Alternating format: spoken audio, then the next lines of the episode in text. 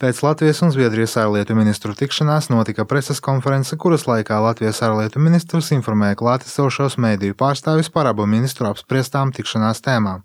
Rinkevičs atzīmēja to, ka ministru tikšanās laikā tika apspriesti Zviedrijas Eiropas Savienības prezidentūras prioritāšu jautājumi, ņemot vērā jauno ģeopolitisko situāciju.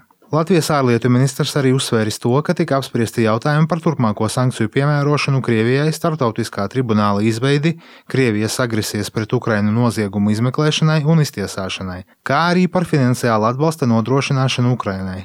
Pēc Rinkēviča teiktā jautājumi par Zviedrijas dalību NATO neizpalika bez apspriešanas. Latvijas ārlietu ministrs kārtējo reizi paudis stingrus atbalsta vārdus Zviedrijas pilntiesīgai juridiskai un faktiskai dalībai aliansē, saucot to par būtisku Baltijas reģiona valstu drošībai.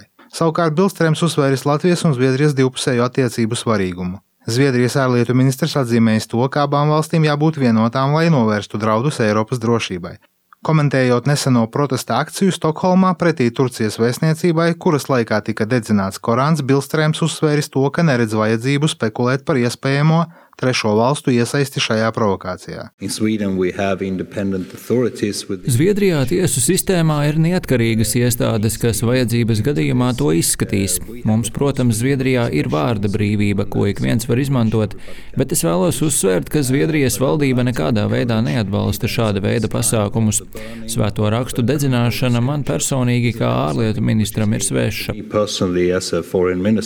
Zviedrijas ārlietu ministrs uzsvēris, ka viņa valsts ir izpildījusi izdarījusi visas Turcijas prasības, lai tās parlaments rastu iespēju ķerties klāt ratifikācijas balsojumam. Rustams Šukurovs, Latvijas Rādio.